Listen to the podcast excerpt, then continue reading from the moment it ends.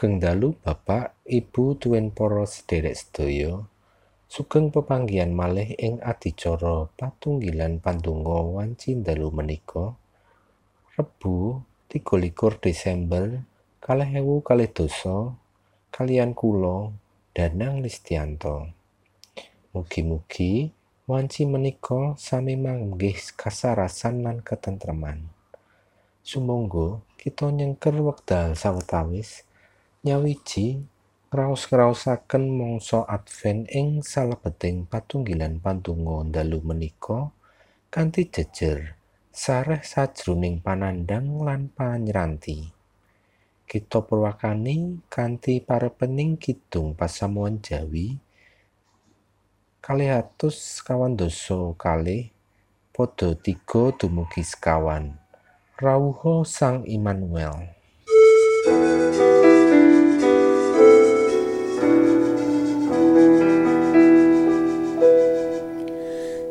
Sang Surya kang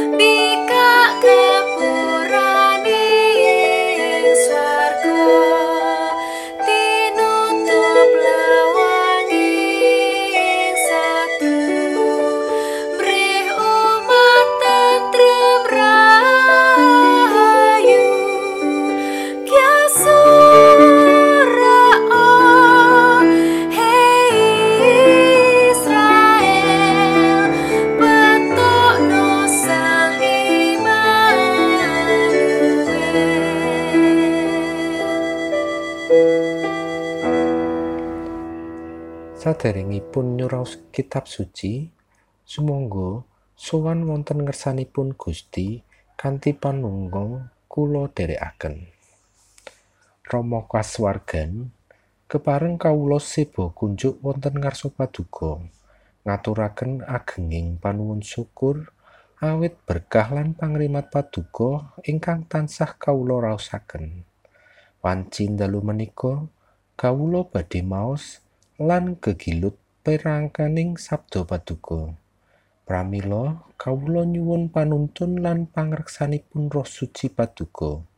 Temah menapa ingkang kawula mirengaken saged kawula mangertosi lajeng kawula cekaken ing gesang sadinten-dinten. Mliginipun ing mangsa Advent menika. Wonten asma Immanuel kawula ndedonga. Amin. Waosan kitab suci saking Yakobus gangsal ayat pitu dumugi 11. Yakobus gangsal ayat pitu dumugi 11. Kang iku para sadulur, padha disabar nganti tumeka rawuhe Gusti. Sajatine wong tani iku nganti-anti marang pametuning bumine kang adi sarta diserantekake nganti tekane udan ing mangsa rontok lan ing mangsa semi. Kowe uga padha disabar. Atimu padha santosakno amarga rawuhe Gusti wis cedhak. He para sedulur, kowe aja padha ngresah lan dakwa dinakwa supaya kowe aja nganti diadili. Sejatine Sang Hakim wis jumeneng ing ngarep lawang. He para sedulur, padha nulodo panandhangi sangsara sarta kasabarane para nabi kang wis padha medharake pangandikane atas asmane Pangeran. Sejatine kita padha nglarani rahayu wong kang padha sabar mantep iku. Kowe wis padha krungu bab sabar mantepe Rama Ayub. serta wis padha sumurup apa kang wekasane kacawasake dening pangeran kagem panjenengane? Amarga pangeran iku gedhe sih palimirmane sarta kewelasan. Mekaten sabdanipun Gusti. Para sederek sasampunipun Rasul Yakobus ngengetaken tiang-tiang sugih ing gesangipun namung menggalih lan ngudi kahartaan lan kamaramanipun piyambak kemawon. Samangke Yakobus ngengetaken tumrap tiang pitados murid sabar. Sareh ngantos rawuhipun Sang Kristus ingkang kaping kalih. Amargi ing rawuhipun mangke kaleresan lan keadilan badhe dipun telakaken injih awit dangunipun panyrantos dinten rawuhipun Gusti boten awis badhe ndadosaken tiang pitados nggadhahi sikep boten sareh lan luntur kapitadosanipun. Pramila Yakobus ngengetaken murih kanthi sareh anggenipun nyrantos. Murih langkung pono lan cetha kados pundi tegesipun sareh ing pagesangan kita. Yakobus paring gegambaran kados dene petani para nabi ing prajanjian lami kalabet lelampahanipun Ayub. Pak Tani ingkang sareh anggenipun nyrantos titiwancinipun panen ingkang namung ngandelaken lan gumantung toya Jawa ing mangsa Jawa lan piyambake mangertos bilih Jawa menika arupi kanugrahanipun Gusti. Makaten ugi kedahipun sikap kita minangka tiang pitados ugi gumantung gumantung dumateng sih palimirmanipun Gusti. Pramila menika kesabaran sareh mujudaken sikeping manah ingkang ngajeng-ajeng lan pitados sawetahipun dumateng sih kadarman lan palimirmanipun Allah. Lajeng menapa ingkang dipun alami ayut kula pitados para sederek inggih sampun mangertos kados pundi rekaos lan sengsaranipun gesangipun Ayub. Nate katampik badhe dipun pejahi lan kasangsaran sanesipun ingkang dipun adepi. Nanging Ayub panggah setya tuhu njejegaken kaleresanipun Gusti. Malah wohing kasetyanipun Ayub kathah tiang ingkang meratobat dinderek ing margenipun Gusti. Kajawi sareh ugi kedah nanggel panandang kasangsaran menika ingkang dipun adepi ing pagesanganipun Ayub. Piyambake nggadahi kekiyatan lan kasantosan kangge njang nyanggi sadaya panandang tanpa kecalan pangandel. Ayub panggah pitados dumateng Allah. Para sederek, menawi ing wanci samangke kita ugi nembe ngadepi pakebluk pandemi COVID-19 ingkang sampun sawetawis dangu dereng purna-purna lan nuwuhaken mawarni-warni perkawis lan panandang. Pramila, sumangga kita nulodo dumateng sikepipun petani, para nabi ugi Ayub. Lan sumangga kita ningilaken manah. Rumrausi kados pundi sayektosipun kasetyan e kita dumateng Allah. Menapa injih sampun nggadahi sikep ingkang sareh? Namung ngandhalaken saha gumantung dumateng Gusti kanthi sawetahipun. Lan gesang kita menapa injih sampun ngandhalaken uwuh lumantar paseksi gesang ingkang sabar sareh lan setya tuhu dumateng Gusti sanadyan maneka warni panandang ingkang kita tampi ing sauruting gesang kita.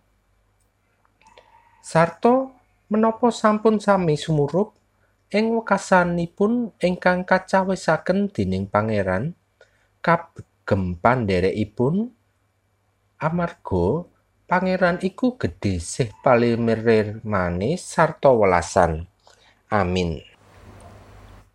Sumangga kita dedonga donga Rama kawula kanthi karepekaken miturut versinipun Gorka.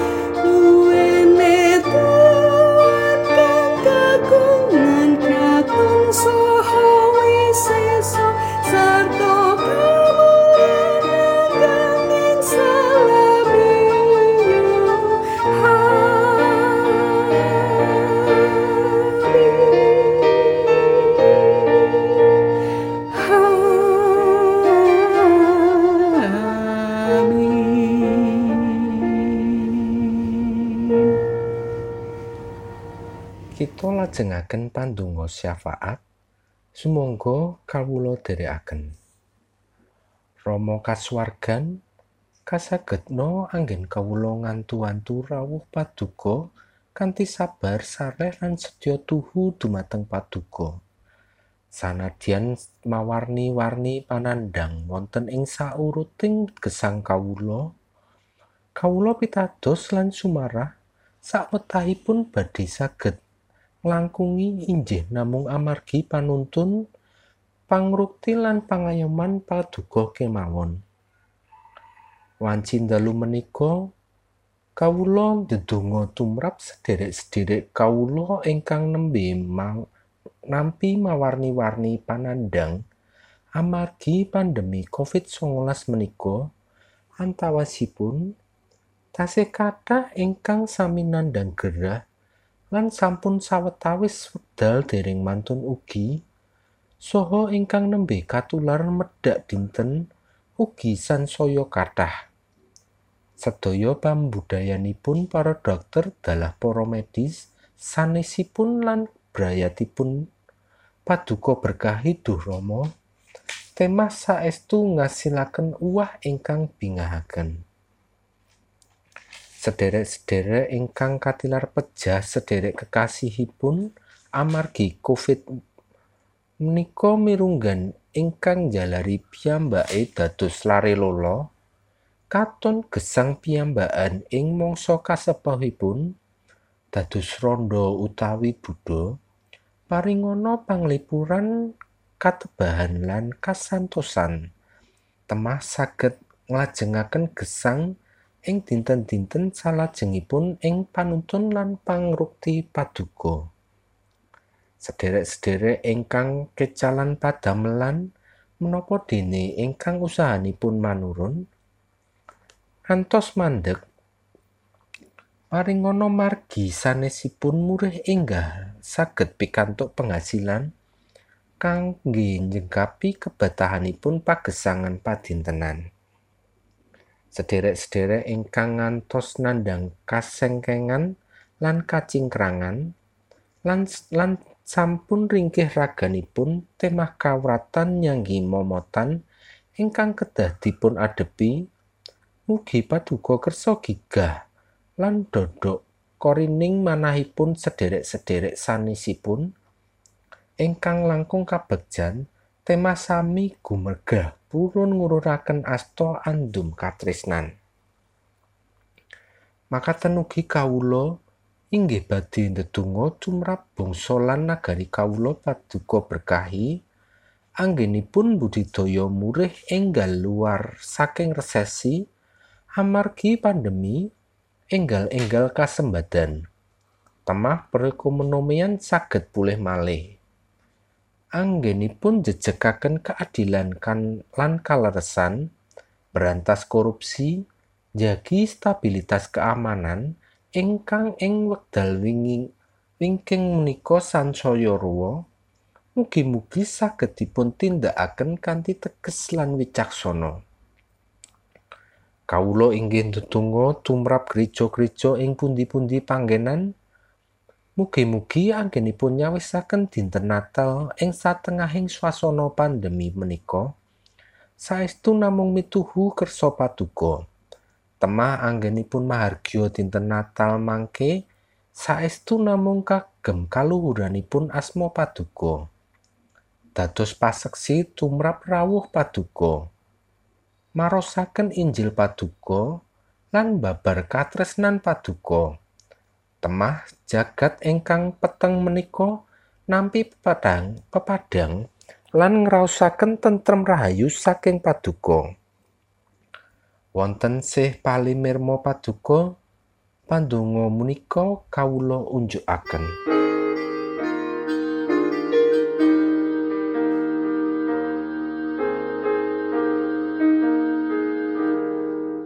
Gusti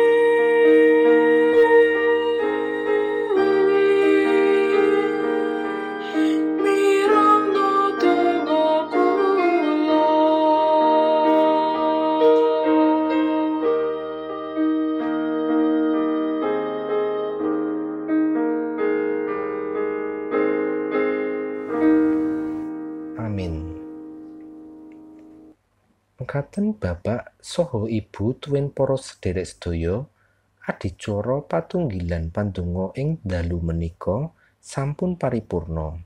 Ing wasana kula ngaturaken sugeng asung, sugeng sare kanthi lerem ngantos pinanggih malih ing wekdal-wekdal salajengipun.